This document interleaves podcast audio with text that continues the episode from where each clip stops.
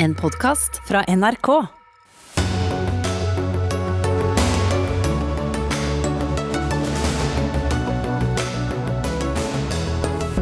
Koronasmitten sprer seg på sykehjem etter sykehjem. I Eidsvoll døde ni beboere ved samme hjem. Kan en årsak være ansatte som jobber deltid flere steder? Norske kunstskatter forblir utilgjengelige lenge ennå. Nasjonalmuseets åpning er utsatt nok en gang. Det mener mange er helt skandaløst. Politijurister tar til tårene og blir sykmeldt pga. høy arbeidsbelastning og ubehandlede kriminalsaker. Dette går på rettssikkerheten løs, mener organisasjonen Politijuristene. Og Diego Maradona er død. Legenden regnes av mange som den største fotballspilleren gjennom tidene. Velkommen til dagens Dagsnytt 18 på NRK1 og NRK P2, hvor dette er noen av sakene. I studio i kveld Sigrid Solund.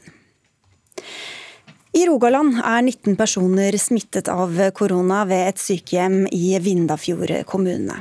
På et sykehjem i Eidsvoll på Øvre Romerike er ni mennesker døde av covid-19. Alle de 23 beboerne ble smittet, det samme ble mange av de ansatte. Kommuneoverlege i Eidsvoll Karl Magnus Jensen, hvordan kom det dit at så mange ble smittet og så mange også døde, før dere fikk kontroll og oversikt over smitten? Det har nok eh, først og fremst å gjøre med at eh, sykehjemspasienter er en svært sårbar gruppe. Eh, utbruddet vårt ble avdekka ved at det ble påvist 20 tilfeller hvor 12 var beboere og 8 ansatte på dag 1 i utbruddet. Og toget var litt godt i forhold til å, å, få kontroll, og på dag fem så var det 18 beboere av 23 som var konstatert smitta. Eh, hvordan det kom inn, det har vi dessverre ikke avdekka. Det ble eh, et, kom et varsel fra en vikar som var bekymra for eh, smitteverntiltakene på sykehjemmet. Hva veit du om det? Ja, Det har kommet et varsel fra en eh, vikar som har, har hatt en vakt ved sykehjemmet. og Noen av de tingene som beskrives i varselet er såpass alvorlige at, at det må undersøkes. Vi har bedt om hjelp Uavhengig av det, og før det varselet ble kjent, så har vi bedt om hjelp fra Folkehelseinstituttet, som har vært på en befaring ved både Valstad sykehjem og også et kommunalt sykehjem, Vilberg helsetun, i dag. Så vi har hatt veldig gode møter og gått gjennom rutiner, og egentlig blitt veldig beroliga i forhold til hvilken praksis og hvilke rutiner som har vært ved begge de sykehjemmene, og spesielt Valstad. Hva vet dere om hvor gode smittevernrutinene har vært, da? Og hvordan det er blitt fulgt opp? Det har vært eh, gode prosedyrer, gode planverk eh, utforma av eh, fagfolk. Og etter dagens samtale med Villa Skår, så, så har vi også inntrykk av at planverket og rutinene har vært fulgt som beskrevet. Villa Skår er altså dette hvor så mange var døde? Villa Skår er eier av Valstad sykehjem. Mm. Eh, og så vil eh, Folkehelseinstituttet før helga komme med en eh, rapport på sine innspill til hva som eventuelt kan bedres i fortsettelsen. Ja. ja. Frode Forland, fagdirektør i Folkehelseinstituttet. Som nevnt så har dere også vært på befaring der i dag. Hva var det dine ansatte, eller de ansatte der fant ut? Jeg kan ikke si så mye om hva de fant ut i dag. De skal jobbe fram en rapport til fredag. Eh, og vil drøfte de funnene med eh, sykehjemmet der og eh, kommunen før vi gir ut den. Men den blir offentlig tilgjengelig. Men det er jo en erfaren smittevernlege og en erfaren smittevernsykepleier som har vært der og gått sammen med kommunen gjennom rutiner og sett på bygningene og sett på situasjonen og vurdert det som har skjedd, for å kunne prøve å komme med hjelp til hvordan en kan hindre at dette skal skje igjen. Er det rutiner, altså Går det an å ha rutiner som gjør at det ikke eh, spres når det først er inne på et, eh, på et sykehjem? Det viktige er å prøve å hindre at det kommer inn der. Eh, og Da må en jo ha ekstremt sterkt fokus på de smittevernrutinene som er nødvendige, med å være årvåken for ansatte med symptomer, pårørende med symptomer, og også at eldre kan få sykdommen uten at symptomer er typiske for koronavirus. Eldre blir jo gjerne mer diffust syke og, og, kanskje ikke har de helt samme symptomer som det som er vanlig når et yngre menneske får den infeksjonen. Hvor god bevissthet tror du det har vært på akkurat dette punktet hos, hos dere i deres kommune på de forskjellige sykehjemmene der? Det, det, har det vært en god bevissthet på. Eh, men eh, det er jo en enorm utfordring med koronavirus at man kan være høysmittsom i et døgn før man har symptomer. sånn at Jeg tror det er alle helsepersonell sin skrekk å, å bli en smittekilde til pasientene. Og så er det veldig vanskelig å unngå det i en del tilfeller, fordi man kan ikke vite om det, at man er smittsom. Eh, så det er en litt uløselig floke. Ja, som du nevnte også, at Beboerne der er jo i seg selv i risikosonen bare ved å være i høy alder og sikkert mm. ganske skral helse. Men vi har jo sett sånne utbrudd tidligere også. Hva har dere lært av tidligere erfaringer som dere da har brakt videre med dere for å hindre en ny sånn smittebølge blant norske sykehjem i, i den perioden vi er inne i nå? Det er jo en fare for at du kan få en, en smitte inn i sykehjemmene når det er en større spredning i samfunnet. Så det å ha disse eh, tiltakene på nasjonalt nivå for å holde smitten nede i samfunnet, er kanskje det aller viktigste for å hindre at det også skal lekke inn i sykehjemmer og institusjoner for de eldre. Eller så handler det òg om opplæring i basale smittevernrutiner. Og det handler om å holde avstand inne i sykehjemmen, både blant de ansatte og blant eh, de som bor der. Og så handler det òg om å ha gode bygningsmessige forutsetninger, slik at en kan på en måte utøve et godt smittevern i institusjonen. Mm. Det er kanskje ikke like lett overalt, men hva vet Nei. vi nå om, om, smittespredningen blant sykehjem i Norge? Nei, Det er flere sykehjemmer nå som har fått smitte inn. og Vi har vært i kontakt med ikke akkurat tallet mellom fem og ti nå eh, siste veka. Og Det tror jeg er igjen en avspeiling av at vi har fått en høyere smittepress i, i mange norske kommuner. Vi skal følge opp dette med to nye gjester, så sier vi tusen mm. takk for at eh, dere kom. Karl Magnus Jensen, kommuneoverlege i Eidsvoll, og Frode Forland, eh, fagdirektør i Folkehelseinstituttet. Vi vet altså ikke hvor smitten kom fra på Eidsvoll, men er det tilfeldig at det nå er utbredt smitte nettopp ved flere sykehjem, eller kan det ha noe med bemanningen å gjøre. Myndighetene har anbefalt at helsefagarbeidere bør ha færrest mulig arbeidssteder, men skjer det i praksis, og lar det seg gjøre? Lill Sverresdatter Larsen, du er leder i Norsk Sykepleierforbund, og du er svært kritisk til at det fortsatt er bruk av vikarer og deltidsansatte på sykehjem, som også veksler mellom arbeidssteder. Hvordan tror du at dette slår ut på smittesituasjonen?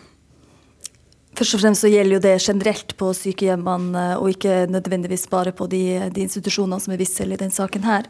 Eh, vi vet jo at eh, rundt 30% av dem som er ansatt i denne sektoren, er ansatt i, i, i kun 30 er ansatt i fulle stillinger. Kun to av ti sykepleiere er tilbudt full eller økt stillingsprosent under pandemien. Um, og halvparten av stillingen som lyses ut på landsbasis for sykepleiere, er deltidsstillinger. Um, og så har jo helseministeren takk til han, eh, i likhet med både Folkehelseinstituttet og Helsedirektoratet, sagt noen ting om nettopp det her om at eh, deltid er en risiko for pasientsikkerhet og for kvalitet på tjenestene. Men samtidig så skjer det så lite ute i kommunene. Vi har fortsatt samme problemet. Og legg til at du da har en mangel på sykepleiere, mangel på helsefagarbeidere, så betyr det at faktisk 20 eh, av vakten som skal være en sykepleier. Igjen, de er, de er syke, de er gamle, de har komplekse diagnoser. De har behov for sykepleiere og helsefagarbeidere.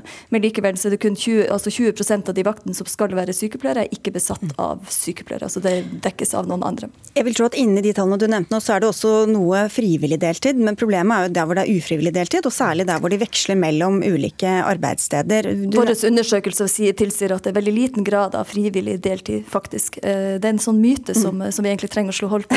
Det er, u, det er uønska deltid, og våre medlemmer har sagt ja. kun to av ti av okay, dem har fått tilbud. Ja, jeg sa ikke noe tall, jeg bare sa, påpekte det. Men helse- og omsorgsminister Bent Høie, dette har det vært snakket om helt siden pandemien kom.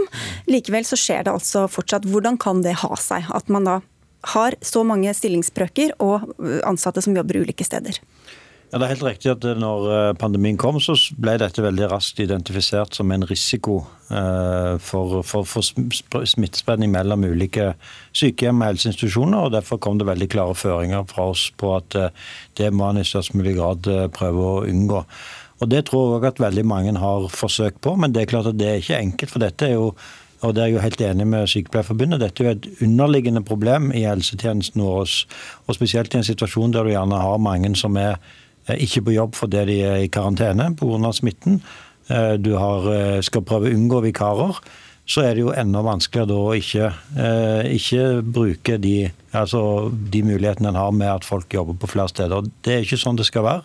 Men jeg forstår at dette også kan være vanskelig for de enkelte kommunene. Men vi har sagt veldig klart fra til kommunen at her bør de eh, prøve å unngå at folk jobber på flere steder. og Det naturlige svaret på det er å gi folk, større muligheter til å jobbe Eh, heltid på det stedet som de jobber. Dette ble jo også en, uh, vist til som en uh, av forklaringene på de høye dødstallene i Sverige for noen måneder siden.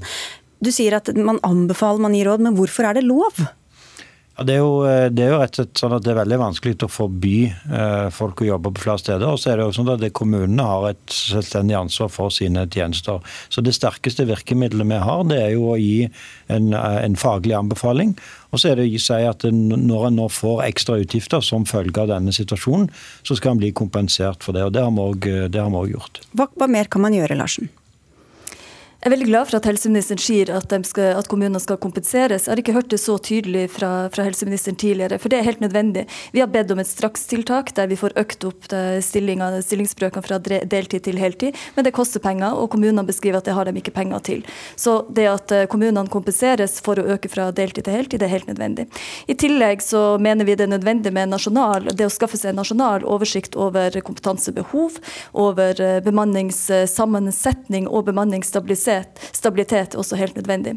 Bare ta et eksempel som en uh, tankskip f.eks. Uh, vil ikke få lov til å få oppdrag uh, hvis du ikke har en bemanningsstabilitet. Altså 80% av nøkkelpersonellet skal jobbe mer enn to år. Vi har ingen sånn oversikt i helsesektoren. og det er et sånn, Vi er nødt til å bygge noen kvalitetsindikatorer som også følges opp. Og Hvorfor har vi ikke hatt det allerede lenge før denne pandemien kom, Bent Høie?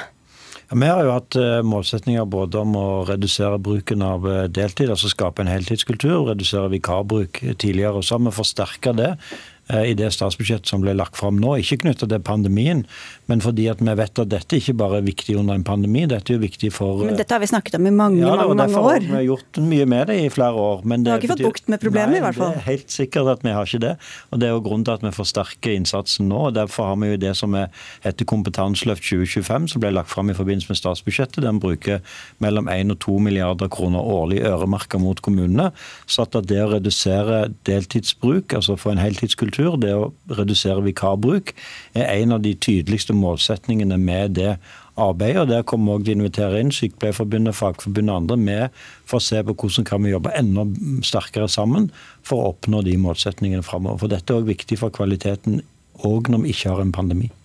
Larsen, du har sikkert masse du vil si til det også, men bare til dagens situasjon nå. altså Problemet med at folk kan gå veksle mellom arbeidssteder. Eh, det er jo forståelig at, at alle trenger å tjene penger, men hva med sykepleierne og andre helsearbeidernes eget ansvar for å følge disse rådene og anbefalingene om å ikke veksle? Når du har ei fast stilling på 40% så sier det seg selv at du er helt avhengig av å tjene, tjene nok penger til å betale husleie, for, eller huslån, også for sykepleiere. Så det betyr at de er nødt. Så det her er arbeidsgivers ansvar å sørge for, og det blir feil å legge skylda på de ansatte som er nødt til å tjene, tjene, penger til livets opphold, også dem. Har du fast ansatt 40% så nød, da betyr det at du er nødt til å jobbe andre plasser. Mm. Og så kommer det forsterkninger, sier Bent Høie. Hva sier du til det? Ja, Vi ser frem til det, og eh, tenker det er viktig at også helseministeren eh, tar ansvar for å følge det opp i etterkant. At det faktisk gjøres fra deltid til heltid, og også de nasjonale kvalitetsindikatorene. Takk. Og så vil jeg bare si at Det er jo også sånn at mange kommuner har eh, lagt stor vekt på å følge disse nye reglene. og Det har jo bl.a. ført til at Sykepleierforbundet tok jo opp med oss at det ble et problem for studentene, for de hadde ikke mulighet til både praksis og jobb et sted. Så det er også sånn at Mange kommuner har vært opptatt av å følge disse reglene. Vi sier takk i denne omgang til dere, Bent Høie, helse- og omsorgsminister, og Lill Sverresdatter Larsen, leder i Norsk Sykepleierforbund.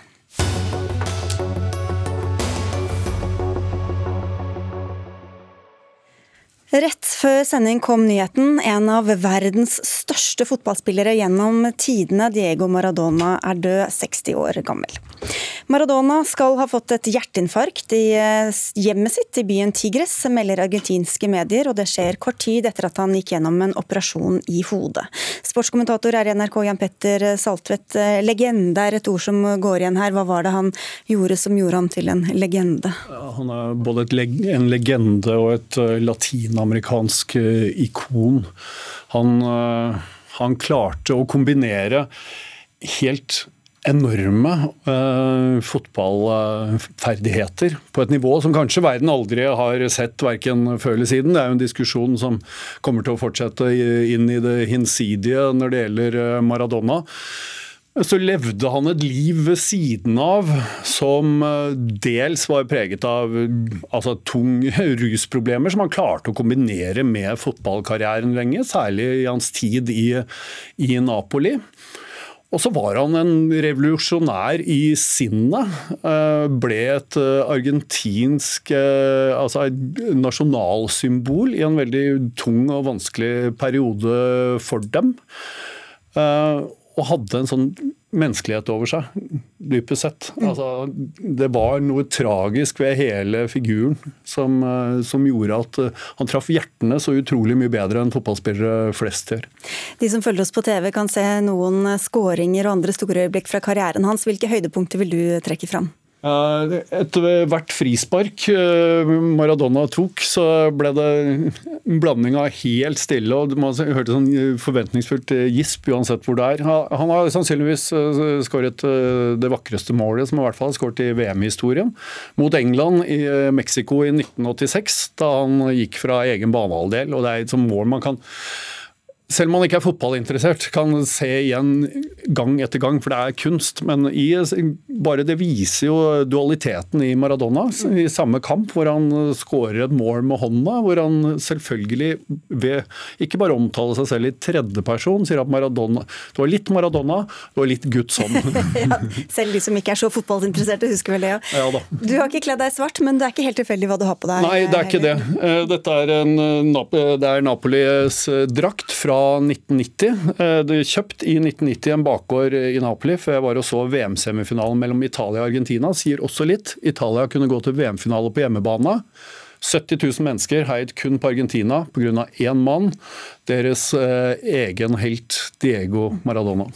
Og Dette blir det masse mer om i NRKs sendinger, og så blir det vel en del diskusjoner de neste dagene om han var den største eller ikke. det, det kommer du til å gjøre. Takk skal du ha, Jan Petter Saltvedt, for at du tok turen i all hast.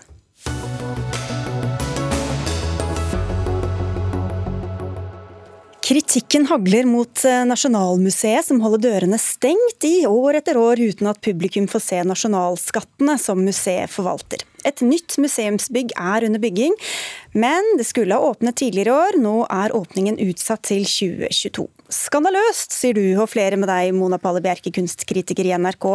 Hva er det som har skjedd her, eller snarere ikke skjedd, som gjør dette til en eh, skandale? Ja, Det som gjør det så skandaløst, er jo at de ikke har planlagt for muligheten av utsettelser. Alle store byggeprosjekter får jo utsettelser.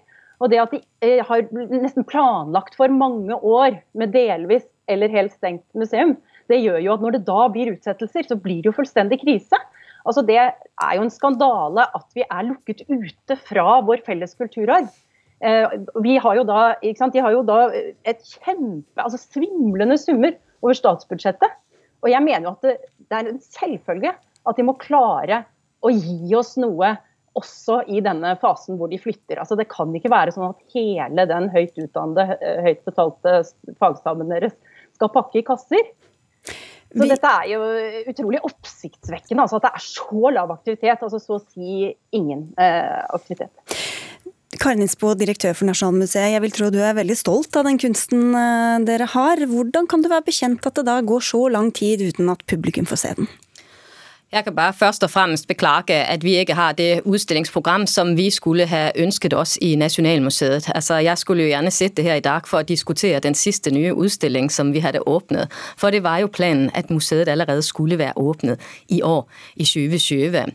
Når dette skjer, så er det pga. at der kommer øh, kontinuerlige forsinkelser i byggeprosjektet. Og vi har dedikert våre ressurser til å kunne rykke inn så raskt og effektivt som overhodet mulig med en gang at bygget var ferdigstilt. Men i stedet så har vi hatt et år hvor denne her ferdigstillelsesdato kontinuerlig har blitt skyvet fra måned til måned til måned. Nå kommer det så til å gå mye lengre tid enn vi hadde planlagt til at vi kan åpne det nye museet. Hadde vi visst det, så hadde vi selvsagt planlagt annerledes. Jo, men det, Kommer det som et sjokk at sånne store utbygginger blir utsatt og at det oppstår problemer? Absolut ikke. Og hadde vi fått et varsel eksempelvis for et år siden om at det først var i 2022, så hadde vi også kunne få til øh, noe helt annen aktivitet enn det vi har kunne få til i 2020. Men med det sagt, så betyder dette ikke at der ikke blir noen som helst form for aktivitet eller formidlingsaktivitet i Nasjonalmuseet i 2021. Men det er først nylig at Statsbygg øh, kom med erkjennelsen av at det ikke ble mulig å ferdigstille bygget. Så vi må ha litt tid til å planlegge for 2021. Jo, men hvis dere allerede hadde planlagt for en viss stengetid, og så sier du at det er ikke så veldig sjokkerende at, at ting blir utsatt, hvorfor har dere ikke da lagt en alternativ plan som gjorde at dere kunne både ha eh, prosjekter gående mens dere skulle være stengt, og også en plan for hva som kunne skje dersom det ble utsatt? Nå har vi jo, øh, hadde vi fått beskjed for uh, noen år tilbake om at dette skulle skje, eller hadde vi uh, i fjor fått beskjed om at det ble 2022, så hadde saken vært annerledes. Men saken er jo at det vi har gjort, det er å dedikere våre ressurser til å stå på sprang for å rykke inn med en gang bygget er ferdigstilt.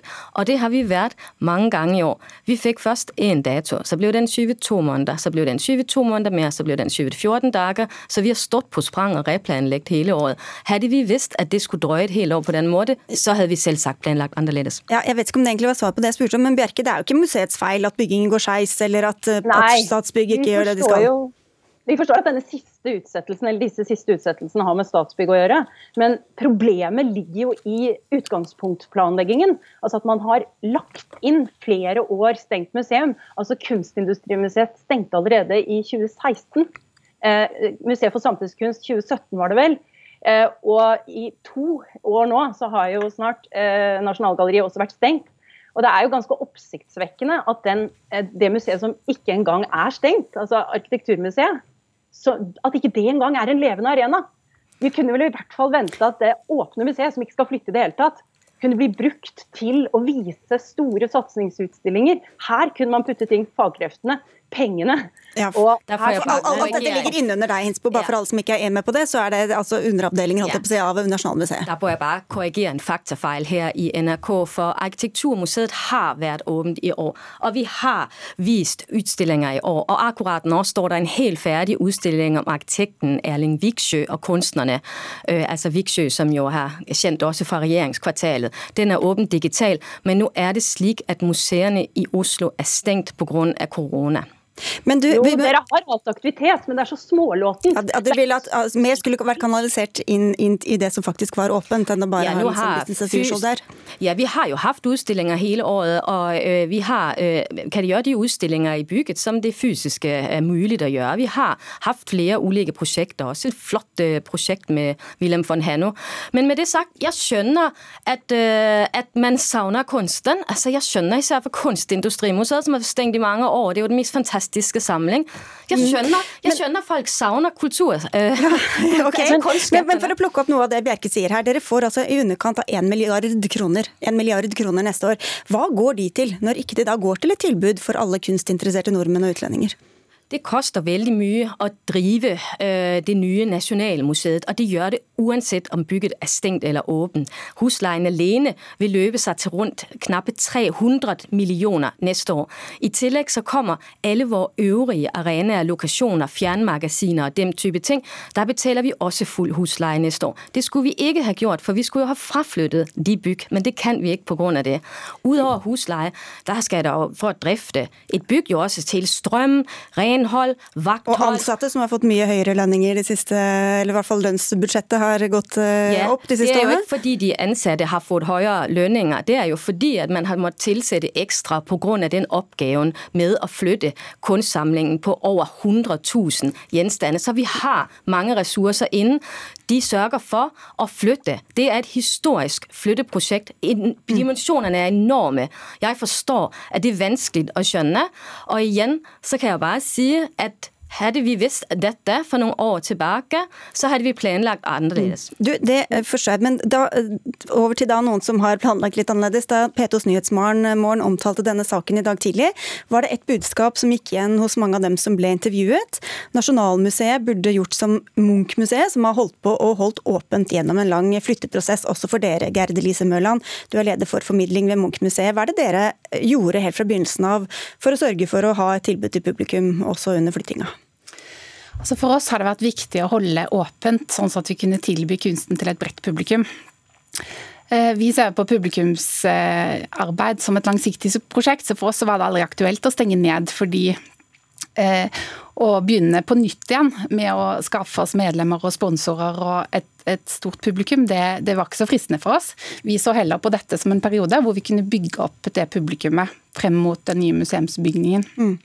Men hva er eh, likheten holdt jeg på å si, og forskjellene mellom dere og Nasjonalmuseet og mulighetene forskjellen der da, mellom dere?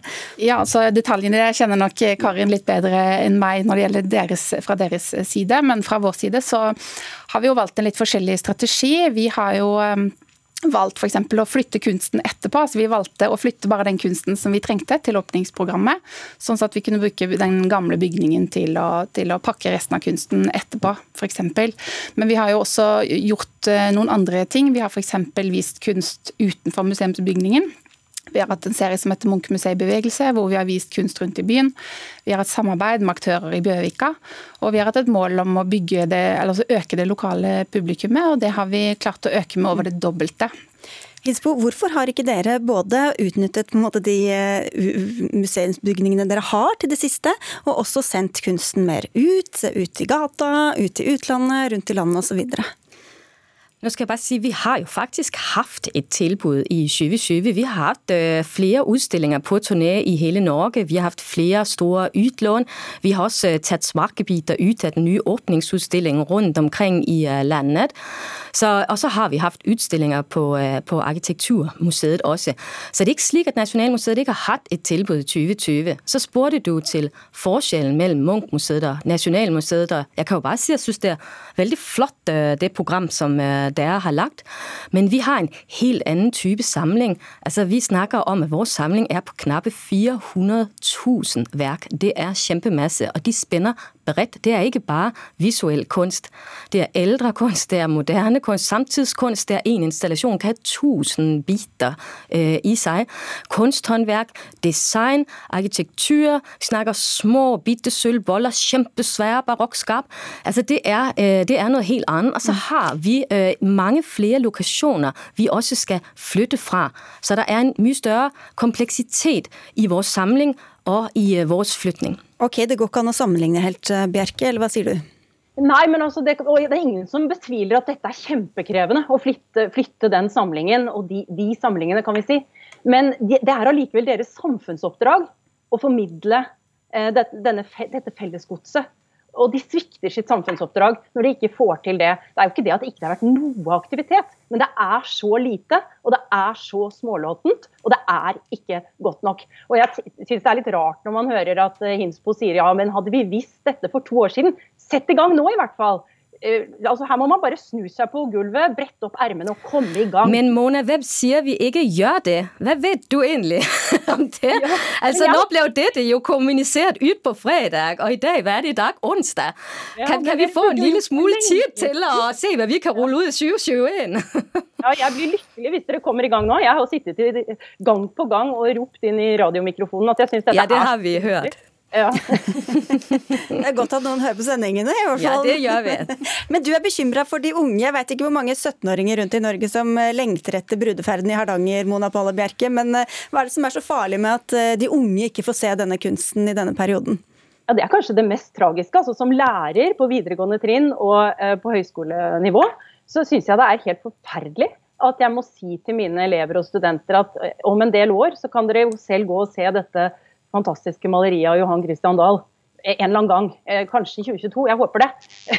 Det er jo så Før bodde vi i disse samlingene. Vi var der hele tiden, året igjennom. Eh, nå får ikke de unge se eh, original kunst. De er henvist til dårlige skjermprojeksjoner. Det okay. syns jeg er kjempeleit. De skal få se det mest fantastiske kunst i 2022 når vi slår dørene opp for det nye Nasjonalmuseet. Og jeg skal love deg at de unge er dem vi inviterer inn eller først. Med mindre det blir nye utsettelser, da. helt, helt, kort på tampen, Mørland. Hva er ditt tips da til Nasjonalmuseet nå? Skjønner at dere ikke vil hovere, men eh, for de, hvordan de skal slenge seg rundt nå? Jeg tenker at det, det vi har hatt suksess med, er å tenke på andre måter å formidle kunst på enn museumsbygningen. Altså, vi har nådd nå nesten en million skolebarn inn i den digitale satsingen vår som vi har hatt nå i vår. Og vi har også vært veldig aktive på både internasjonale arenaer og andre arenaer. Så det vil jeg gjerne anbefale dere som en strategi. Takk. Nå har vi også hatt en stor digital satsing hos oss i år. Ja. Da er det bare å logge seg på. Takk skal dere ha alle tre. Gerd Elise Mørland eh, ved Munch-museet, Karin Hinsbo, leder for Nasjonalmuseet, og Mona Palle Bjerke, kunstkritiker i NRK.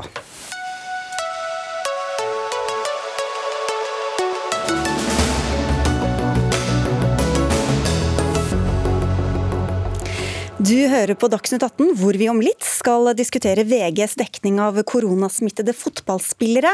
Men nå skal det handle om politijurister i Norge som tar til tårene og blir sykmeldt pga. høyt arbeidspress.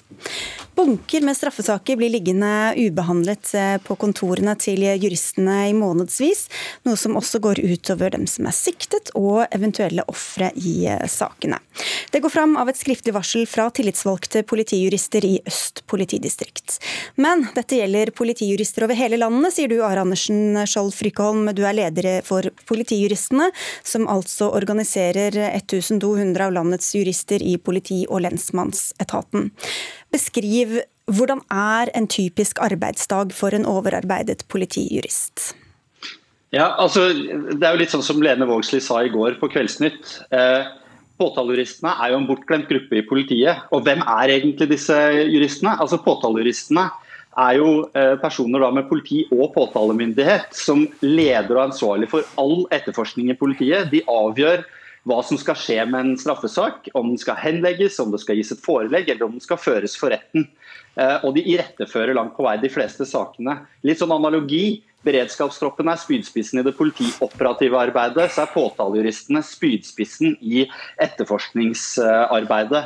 Eh, og De skal føre kontroll med etterforskningen, sikre at den ikke overetterforskes, underetterforskes, at man driver med maktmisbruk i politiet. De er en rettssikkerhetsgarantist for landets innbyggere. Og De er fryktelig stolt av jobben sin og identifiserer seg med dette samfunnsoppdraget. og Derfor er de så forsiktige med å si noen ting.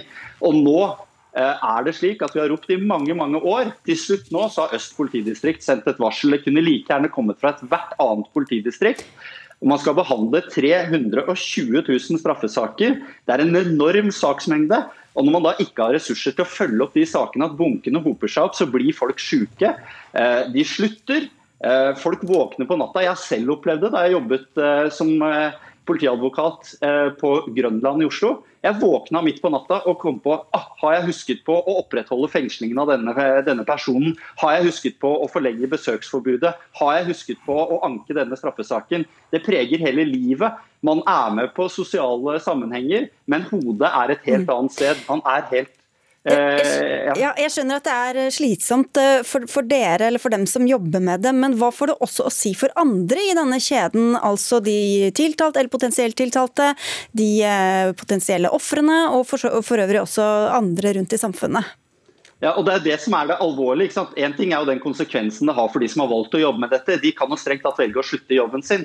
Men det som er langt mer alvorlig, og Det som vi er fryktelig bekymret over, det er jo konsekvensene dette har for eh, landets innbyggere. og som du var inne på, Det har store konsekvenser for de som begår kriminalitet, de som, blir, eh, de som anmelder kriminalitet. Eh, sakene blir, blir, kjempegamle. Folk setter livene sine på vent i påvente av hva som skal være utfallet av dette. her. Og Personer som f.eks. blir gjenstand for vold i nære relasjoner. Far slår kona si, far slår barna sine, et eller annet slikt noe. De har endelig mannet seg opp etter flere år til å ta kontakt med politiet så skjer det ingenting. Saken blir bare liggende. Hvilken tillit får de til politiet etter hvert? Dette har jo ingen forebyggende effekt. Noe av det mest forebyggende vi har i politiet, det er jo en effektiv straffesaksbehandling hvor man får en person og avklaring på det forholdet som begås. Dette har ingen eh, forebyggende effekt. Og da mm. tenker jeg litt sånn hva, altså, hvilken, eh, hvis man først skal gjøre noe, så må man jo på en måte effektivisere denne, denne, gruppen her og sørge for at den er ressurssatt på en riktig måte. Og det mangler ikke på vilje til å ressurssette den. Det har kommet fra Stortinget flere ganger. Man har gitt øremerkede Man gir øremerkede midler år etter år etter år for å styrke denne gruppen. Problemet er bare at pengene kommer ikke frem. Politibudsjettet er så stort og så massivt. Man finner ikke igjen hvor, denne, eh, hvor dette gir effekt. Vi får tilbakemelding om at ja da, man har fått x antall stillinger som skal bemannes opp på påtale. Ja, Da bemanner man opp med disse. Samtidig så slutter det dobbelt så mange. Ikke sant? Men man teller ikke antallet, og da ender det opp med at styrkingen er ikke reell. Det blir ikke noen reell styrking. Vi er avhengig av å isolere vi, budsjettet på den gruppa. Ja, du vil ha øremerka midler. Vi, vi, tar det yes. videre til, til statssekretæren i Justisdepartementet, Tore Settem. Det går utover de tiltalte, det går utover de som anmelder, ofre og, og hele samfunnet. Hvordan er dette forsvarlig? Jeg er helt enig i den virkelighetsbeskrivelsen som gis. Eh, alvoret i det, ikke minst for ofrene, som det også ble sagt. Og så er jeg veldig glad for at Are da også avrunda med å si at det har jo vært et forsøk på å styrke dette området de siste årene. Eh, antallet politijurister er faktisk økt ganske mye. Og så er problemet vårt det at, og, og antallet restanser går ned. Men problemet vårt er at samtidig, altså de som blir liggende? Riktig, saker som da ikke er avgjort ennå. Eh, det som er vårt store problem, det er at eh, selv om antallet saker går ned, så er de sakene som vi sitter igjen med, de sakene er mer kompliserte enn før. Det er til dels fordi det har vært et politisk ønske, altså overgrepssaker f.eks., økonomiske kriminalitetssaker, saker som krever veldig mye ressurser. Og Det gjør at uh, veldig mange av dem som Are representerer, dem har opplevd en veldig tøff situasjon, til tross for at vi har satt ressurser inn. Så hva kan vi gjøre med det? Jo, jeg har egentlig to svar på det. Det første svaret er at vi må sørge for eh, å ressurssette enda mer, i tråd med det Are sier, kanskje ikke den beløpene han sier. Det andre er at vi eh, også må jobbe for å sørge for at sakene styres og tilrettelegges på en annen måte enn i dag. For det er klart at De storyene som Øst politidistrikt fortalte om i går, altså det store overgrepssaker med flere hundre offer, det økonomiske kriminalitetssaker av typen Lime-saken, som jo har vært veldig mye i media, og det er klart at Den typen saker spiser altså så utrolig mye av ressursene. Så det vi gjør, er både å si at vi trenger mer ressurser, men vi må også organisere arbeidet og sakene på en måte som gjør at ikke vi spises opp av de store sakene. Lene Vågslid, du ble nevnt her i innledningen. Du er stortingsrepresentant for Arbeiderpartiet, justispolitisk talsperson der, og du sier det er en hån mot dem som er utsatt for kriminalitet som vold og overgrep. Nå hører vi løsninga fra statssekretæren her. Mer penger og en annen organisering. Jeg begynner å bli lei av å høre på bortforklaringene til denne regjeringen. Nå har de styrt i sju år, og de forstand og forstand og forstand, men leverer jo ikke. Det vi har foreslått både i fjor og i år, er jo et eget påtaleløft.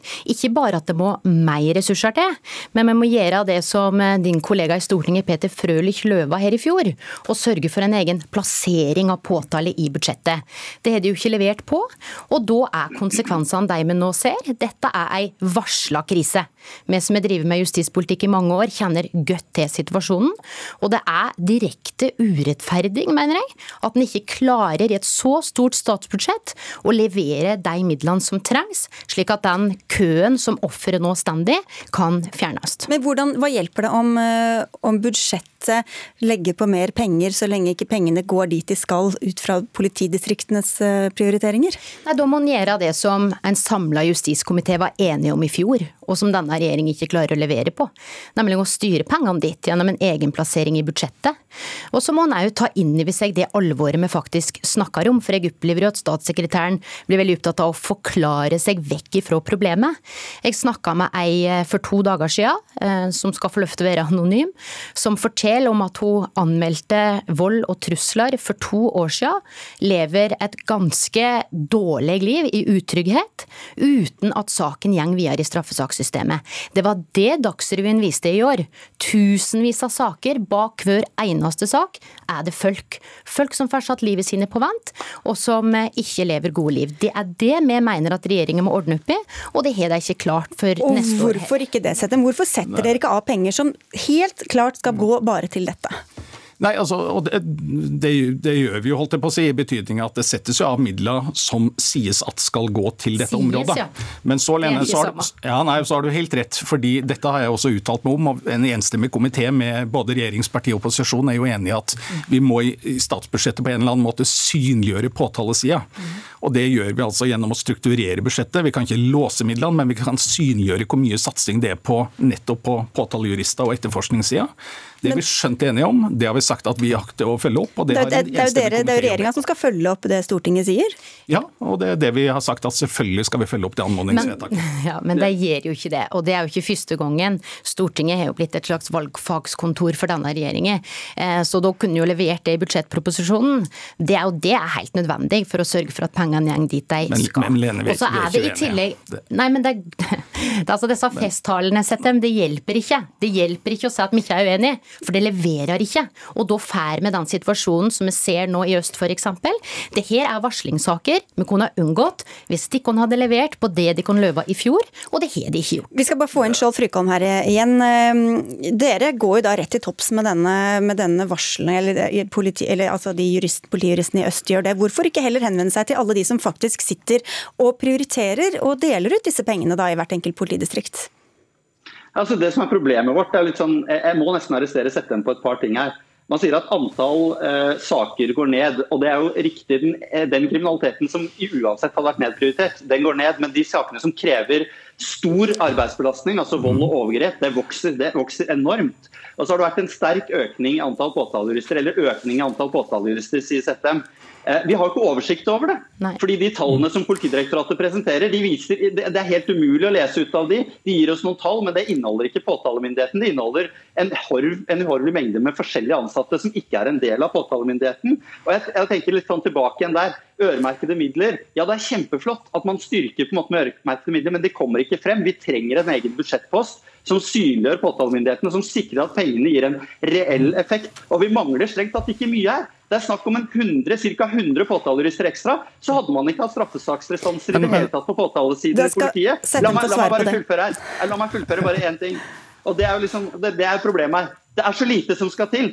Og det handler om forebyggende effekt. ikke sant? Det er et spørsmål om innbruddstyver som eh, sitter i fengsel. De bryter seg ikke inn i huset ditt. Nettovergripere som sitter i fengsel, de begår ikke seksuelle overgrep mot barna dine. Det er nettopp de det handler om. Ja, vi må få en effektiv straffesaksbehandling som tar de ut av systemet med en gang. Men vi må avslutte snart, for jeg vil jo tro at egentlig lønner det seg da, å, å, gi mer penger til denne sektoren, sånn at man får unna de sakene raskere enn det man gjør i dag. Ja, og derfor, kjære Ari, altså, Vi har jo snakka om dette før. Det er jo dere som også lanserte ideen om å la dette være et eget budsjettkapittel.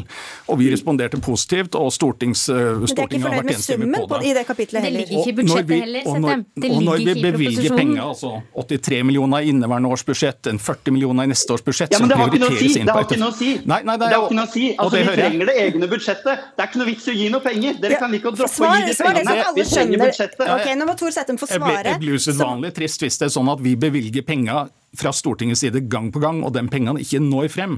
Altså, de, to siste årene har vi prøvd, Dere, vi må, de to siste årene har vi prøvd å følge pengestrømmen, ja, men vi klarer ikke. ikke. vi ser ikke at de kommer. Men, okay, kan, ja, Han må bare få svare, for nå må vi avslutte. Men kan jeg også få lov å avrunde med følgende? Nei, vær så snill, hva er det du skal avrunde? Kan du ikke heller svare på hvorfor dere Hva gjør dere for å sørge for at de pengene kommer dit de faktisk skal? Ja. Det skjer gjennom tildelingsbrevet som går til Politidirektoratet, som sier i 2020 etterforskning og påtale skal prioriteres. Hvis Stortinget vedtar det budsjettet som er lagt frem nå, så er det en ytterligere styrke neste år med føring om at det skal gå til påtalesporet. Det er pengene, og så må vi gjøre noe med måten sakene ledes på, styres på. Der har vi lagt frem konkrete forslag som jeg inderlig håper at Arbeiderpartiet kommer til å støtte oss på. Ja, men for mener det er faktisk like viktig. Ja. Og de leverer ikke, og det er veldig synd, for fordi han utover de ofrene. Du må også avslutte nå. Eh, tusen takk skal dere ha, alle tre. Tor Settem, statssekretær i Justisdepartementet, Lene Vågslid fra Arbeiderpartiet og Are Andersen Skjold Frikholm fra Politijuristene.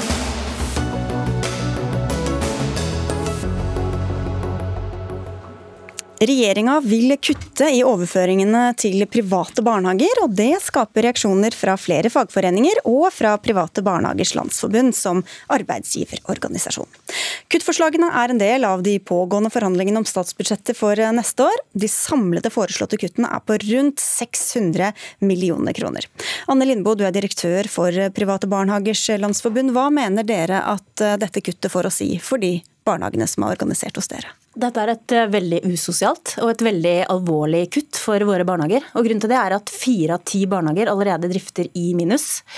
Eh, og et kutt på 600 millioner. Det vil ramme kvaliteten alvorlig. Det vil gjøre at man må kutte i bruk av vikarer, man må kutte innkjøp av leker, kutte i forhold til å ta med barna ut på tur.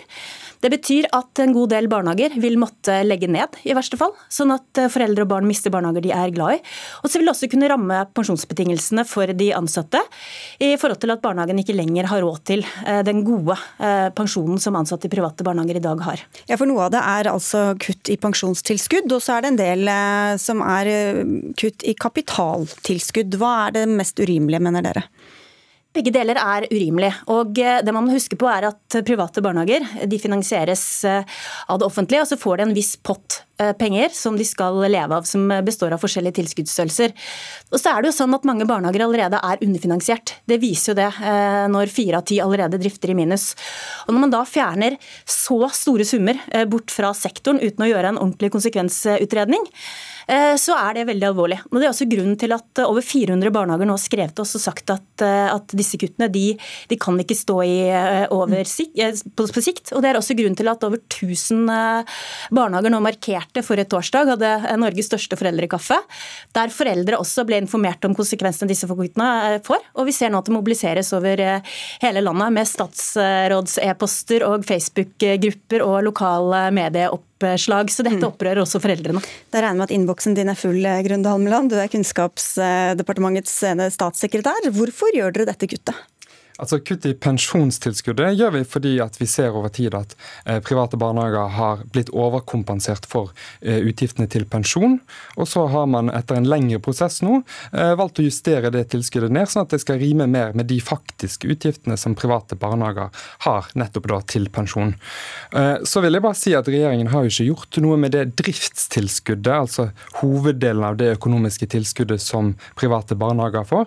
Dette går, er jo en justering av pensjonstilskuddet pensjonstilskuddet, nettopp for å sørge for at det matcher de reelle utgiftene man har til pensjon. Og Når det kommer til kapitaltilskuddet, så er jo det en teknisk justering som gjøres nettopp i tråd med eh, prisvekst eh, og rentenivå, som gjøres rett og slett av teknisk art hvert år. Ja, hvorfor skal dere få tilskudd til mer enn dere faktisk har av utgifter? Ja, men det gjør vi jo ikke. Og det er jo det som er hele poenget her, at, at det hjelper jo ikke eh, å, å, på en måte si at man er overfinansiert på, på en liten del av et tilskudd når det er hva du har på kontoen som faktisk eh, innebærer om du klarer å, å betale regningene dine.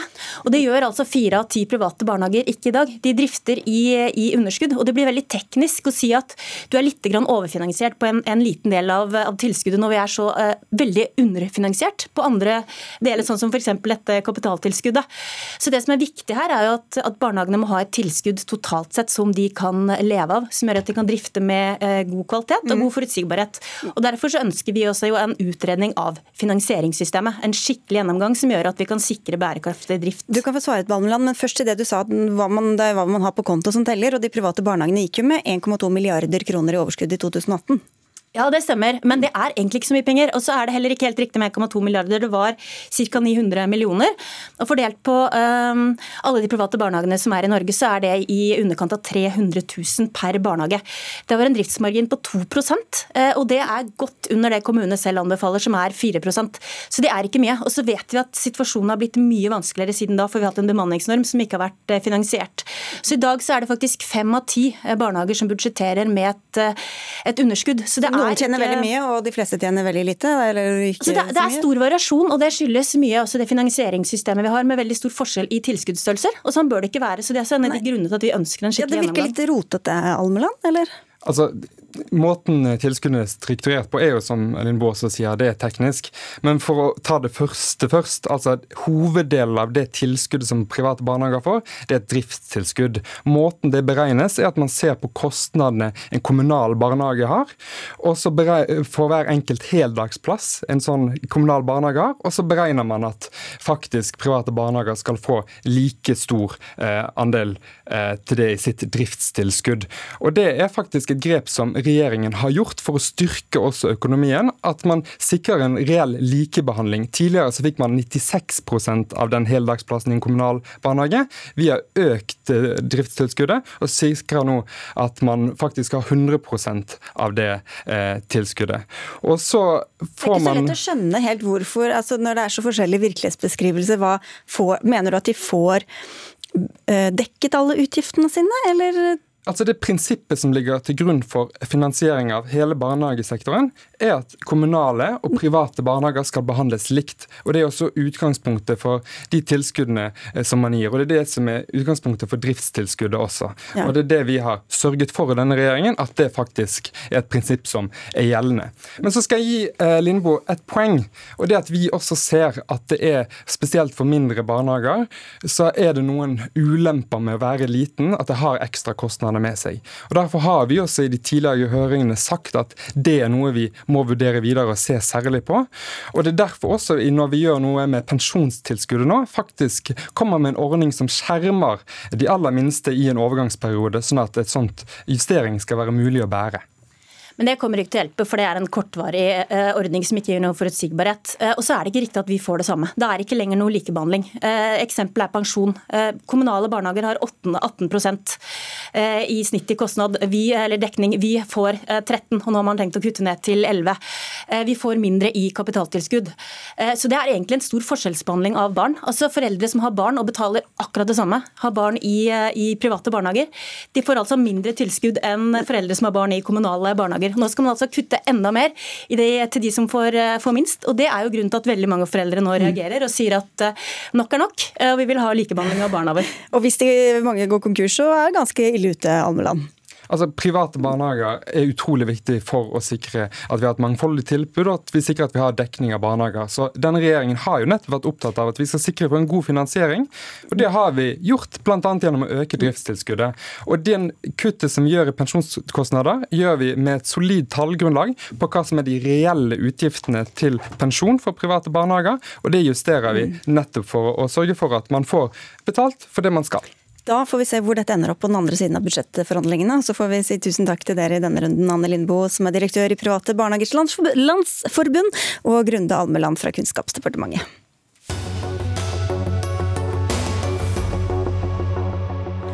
Hvem tipset VG om at landslagsspilleren Omar El Abdelawi var koronasmittet før både spilleren selv og Norges Fotballforbund visste det?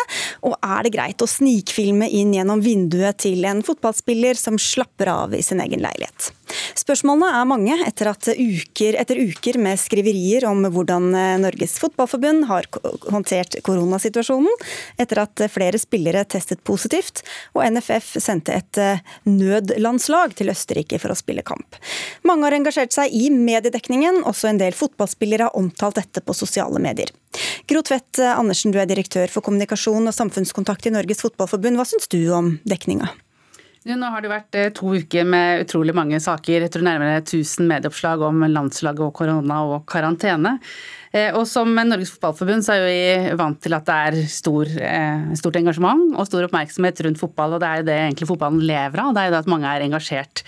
Så vi må regne med oppmerksomhet. Men Flere av våre landslagsspillere er jo kjente profiler. De er gjenstand for stor oppmerksomhet. Eh, både, eh, men nå er det jo sånn at både vi i forbundet og spillere syns kanskje at noen av sakene at man tøyer grensene litt litt langt, og at det er verdt å diskutere sånn i ettertid om noen av, noen av grensene burde, litt, burde, blitt satt litt tidligere. Ja, gi et eksempel på noen sånne grenser. Nei, for det første så er det denne saken som ble nevnt innledningsvis, hvor uh, vår visekaptein Omar våkna opp en morgen hvor uh, han visste da at media hadde fått vite om hans smitte åtte timer før både legen og han selv fikk vite det. og Det er jo et grovt brudd på taushetsplikten, som altså grunnen til at vi kommer til å vurdere den tilfellet. Og det andre er jo også, som ble nevnt her, hvor det er en eh, spiller som eh, opplever at eh, det blir filma gjennom vinduet i leiligheten hans, og blir utsatt for spørsmål om, har, om det er brudd på karanteneplikten. Og et av mange mediehus som har omtalt dette, og også disse sakene her da, som ble nevnt, er VG Garsteiro, hvor du er sjefredaktør. Har dere tøyd grenser de siste ukene? Nei, det syns jeg egentlig ikke at vi har gjort. Altså, dette stor, har vært en stor debatt, en åpen konflikt mellom uh, Fotballforbundet og mellom helsemyndighetene om protokollen og hvorvidt landslaget skulle spille disse kampene mot uh, Romania i Østerrike. Og det mener jeg er helt naturlig at mediene dekker. altså Sportsredaksjonene både i VG og NRK og alle andre dekker. Og Der har man fått mange smittede spillere, og det er klart at det omtaler vi. Og vi har omtalt disse smittetilfellene etter at NFF har sendt ut informasjon om det i pressemeldinger. Men Hva gjør dere når dere da får vite at en spiller er, eh, har testet positivt på korona før legen hans vet det? Ja, altså, vi kommer, altså som jeg har sagt, vi, Hvilken informasjon vi sitter med og hvilke tips vi får, det kommer jeg aldri til å kommentere. Det er, det er sånn reglene er for pressen, at det kan vi ikke snakke om. Men generelt når vi får den type tips, det vi gjør da, det er at vi ringer NFF. Vi ringer kommunikasjonsfolkene i NFF, og så spør vi de om dette stemmer. Det er helt normal journalistisk praksis at man, eh, når man får tips, så sjekker man det ut, og da ringer vi til de som er ansatt for å svare på spørsmål fra pressen, mm. kommunikasjonsdirektøren i NFF. Og Det syns jeg er, det er, helt normalt, og det gjør vi jo enten dette dreier seg om sport eller politikk eller annet, så er det, så er det vanlig, helt vanlig praksis å sjekke ut tips vi får. Alt er helt normalt, Andersen? Jeg tror det er viktig å huske at spillere er, til tross for at de er kjente sportsprofiler, det er også mennesker. Og det å våkne opp til at her vet media noe som ikke jeg vet, det er en ubehagelig følelse. Og så er det jo grunn til å stille spørsmål hvilke vurderinger VG gjør seg når de viderebringer taushetsbelagt informasjon videre. Eh, og jeg vet jo ikke hvem de har fått tips av, men her er det jo åpenbart noen som har brutt den taushetsplikten. Det er det ene. Og det andre er jo at VG vet jo veldig godt hvilke regler som gjelder når det gjelder å filme filme inn i leiligheter til, til, eh, til folk eh, som ikke vet om det fra før av, at da skal det være særlig grunner for allmenn interesse ved å bruke det. Og når det da konfronterer spiller direkte, ikke via NFF, ikke via meg, ikke via noen andre, men direkte til spiller, som at her har det vært et brudd. Og da lurer jeg litt på hvilken Hva er det som skjedde? Det er ikke alle som har fått med seg den saken. Det er en av landslagsspillere som opplever at VG ja. Eh, og... ringer og um, setter fram en eh, ja, blir konfrontert med en tilsynelatende brudd på karantenebestemmelsene. Og dette var jo i et tidspunkt hvor det var utrolig mye diskusjoner rundt karantenebestemmelser, som vi i NFF var veldig opptatt av å møte opp og diskutere, men her blir da spiller direkte direkte konfrontert mm. av VG. Og det er jo eh, i forhold til, eh, i forhold til eh, hva skal jeg si, medievaner, så vet man at det skal være av samfunnsmessig betydning før man av, avdekker det. Og da lurer jeg på hvilken, altså, hvilke vurderinger gjør dere før dere ringer til den spilleren, for det er bare å gå inn i karantenebestemmelsen og se at det er lov å være hjemme med egen familie når du er i karantene. Ja, her var det jo mye. Altså For det første legges det som et premiss her at noen har brutt taushetsplikten. Det tror jeg ingen vet, eh, og i alle fall ikke NFF, og vi kommer aldri til å kommentere det. Eh, og så vil jeg si at Vi publiserte ikke noe som helst om smitt, hvilke fotballspillere som var smittet, før NFF sjøl gikk ut og bekreftet dette i en pressemelding. Så det er ikke gått ut med noe annen helseinformasjon her om spillerne enn den NFF sjøl har gått ut med i pressemelding. Og så blir det fremstilt som VG har filmet inn eller tatt bilder inn gjennom vinduer. Det har vi ikke gjort. det er ikke riktig. Jeg vi sa ikke at VG har Dere ble konfronterte spilleren med at det forelå mm. materiale. Ja, ja, hvis jeg får fortsette. Vi har ikke tatt bilder eller filmet inn gjennom noens vindu. Vi har ikke tenkt tanken. Vi har heller aldri vurdert å publisere den type bilder. Men, Men Brukte dere det som informasjon nei, i, i en samtale med vedkommende spiller? Nei, altså vi har ikke publisert det. Vi har ikke vurdert å publisere det. Ja, det Men i kommunikasjonen med, med spilleren, at dere nevnte det? Vi, ja, vi, vi, gjorde en spiller oppmerksom på at vi hadde fått dette bildet. Og vi gjorde spilleren òg oppmerksom på en gang at dette kommer vi ikke til å publisere. Denne dialogen med denne spilleren har jeg sett. Det står ingenting om at vi kommer til å bruke det bildet. Vi, gjør, vi har jo dialog med spillerne, vi ofte, eh, våre journalister, og vi gjør oppmerksom på at dette bildet ble Det fantes, at det var privatpersoner som hadde tatt dette bildet. Og det er jo ikke noe altså Vi kan stå til ansvar for mye, men vi kan ikke stå til ansvar for hva Uh, andre folk gjør og tar bilder, og så om de sender det inn til VG eller NRK eller til Dagbladet, så skjer det. Men dette var aldri et bilde, det er ikke et bilde som er publisert, og det er aldri et bilde som er vurdert publisert. Jeg tenker at Vi har vært veldig opptatt av å stille opp tror jeg, på alle medie, Altså henvendelser. Uh, stilt opp i studio etter studio og svart ut spørsmål. Men dette her er enkeltspillere. Det det handler om, og som flere spillere har reagert, også vi i forbundet har grunn til å stille spørsmål om egentlig hva har VG sine vurderinger vært. Og vi vet jo selvfølgelig veldig godt at media sin rolle, for det er ikke bare, det er ikke bare VG når det er du som sitter her, men det har også vært andre mediehus som har eh, hatt lignende oppslag. Og da tror jeg det er eh, I ettertid så tenker jeg av og til at det kan være greit å ha samtaler som dette. Og hvor går grensene? Er det noen ganger eh, at man tøyer kanskje regelverket litt? Men hva tror du deres egen håndtering av saken har gjort med den interessen og de eventuelle tøyningene flytningen av grensene Nå har vi vært veldig opptatt av å være åpne om de dilemmaene vi har stått i, hvor krevende vi syns det har vært, og, og, stilt, eh, og stilt, opp, som jeg har sagt, prøvd å svare så godt vi kan eh, på de henvendelsene som har vært. Men her er det to tilfeller, og så var det også et VG-cover eh, på lørdag hvor heldigvis VG beklaga at man hang ut fem spillere. Koronalandslaget. Ja. Koronalandslaget, selv om jeg syns kanskje at den unnskyldningen på egen side ble litt godt gjemt bort. Eh, og så eh, tror jeg dette er grunn til å stille spørsmål om hvilke selvstendige vurderinger dere det, gjør, før dere stiller spørsmål videre. Altså, vi, vi gjør jo selvstendige vurderinger hele tiden. Jeg opplever at vi har hatt en ganske god dialog med NFF gjennom dette, og jeg opplever ikke at vi har hengt ut noen spillere. Jeg opplever at vi har behandlet dette som det det er. Det er en stor konflikt mellom norske helsemyndigheter og NFF der en rekke landslagsspillere har blitt smittet av korona. Og det er en stor sak som er helt åpenbart at vi skal dekke. Får vi ønske god bedring til alle og si takk for at dere kom eh, til Dagsnytt 18 som det er over. Anne Katrine Førli, Stein Nybakk og jeg, Sigrid Solund, takker for følget.